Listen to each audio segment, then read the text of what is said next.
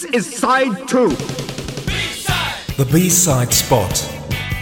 B-side. With Manfred Tomasa of Disdain.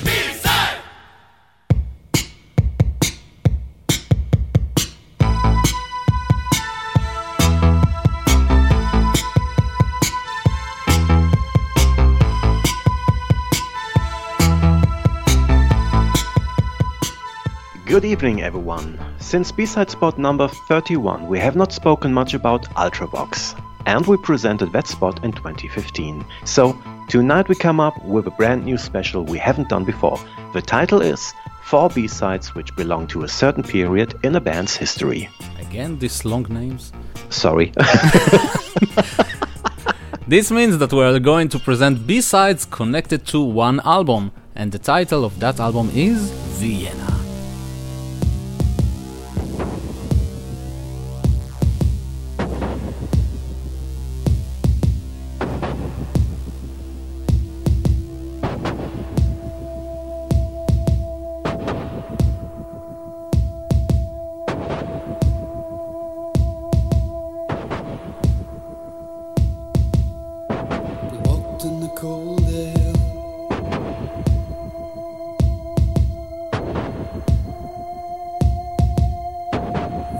losing breath on a window pane, lying and waiting.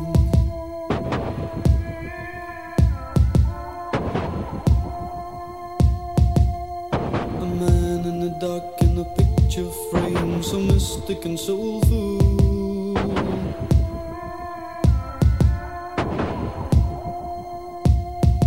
A voice reaching out in a piercing cry, it stays with you until.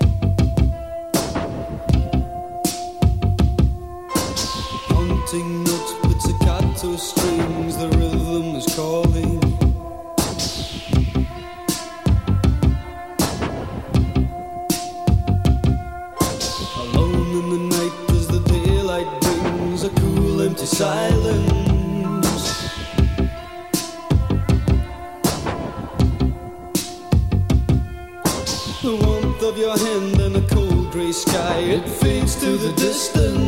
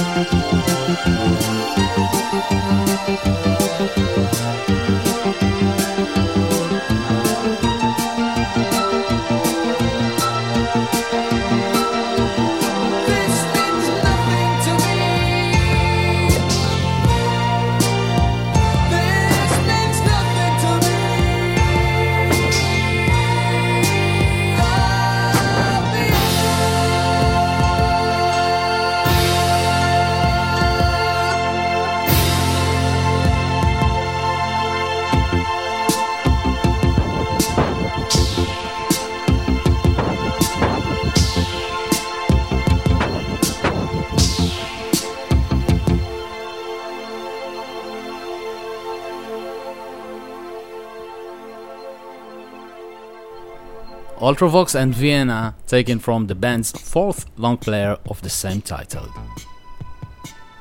This album was released in 1980 and came along with a new lineup after singer John Foxx and guitar player Robin Simon had left the band the year before. Founding members Billy Currie, Warren Cann, and Chris Cross were joined by Midge Ure on vocals and guitar, and this lineup became the most successful one in the group's history. Between 1980 and 86, they released 10 UK Top 20 singles and 7 UK Top 10 albums. And the story contains almost everything the B-Sides is about exclusive studio recordings, exclusive live recordings, and a lot of space to experiment with sounds and atmosphere. In 2015, we already presented the song you can hear in the back. Herr X was a 12 inch only track of Vienna, but there was another exclusive B side, which can also be found on the 7 inch. And this one is known as Passionate Reply. Owen is going to play it next. Thanks for listening and see you somewhere in time. Thank you very much, Manfred. Bye bye. Bye bye.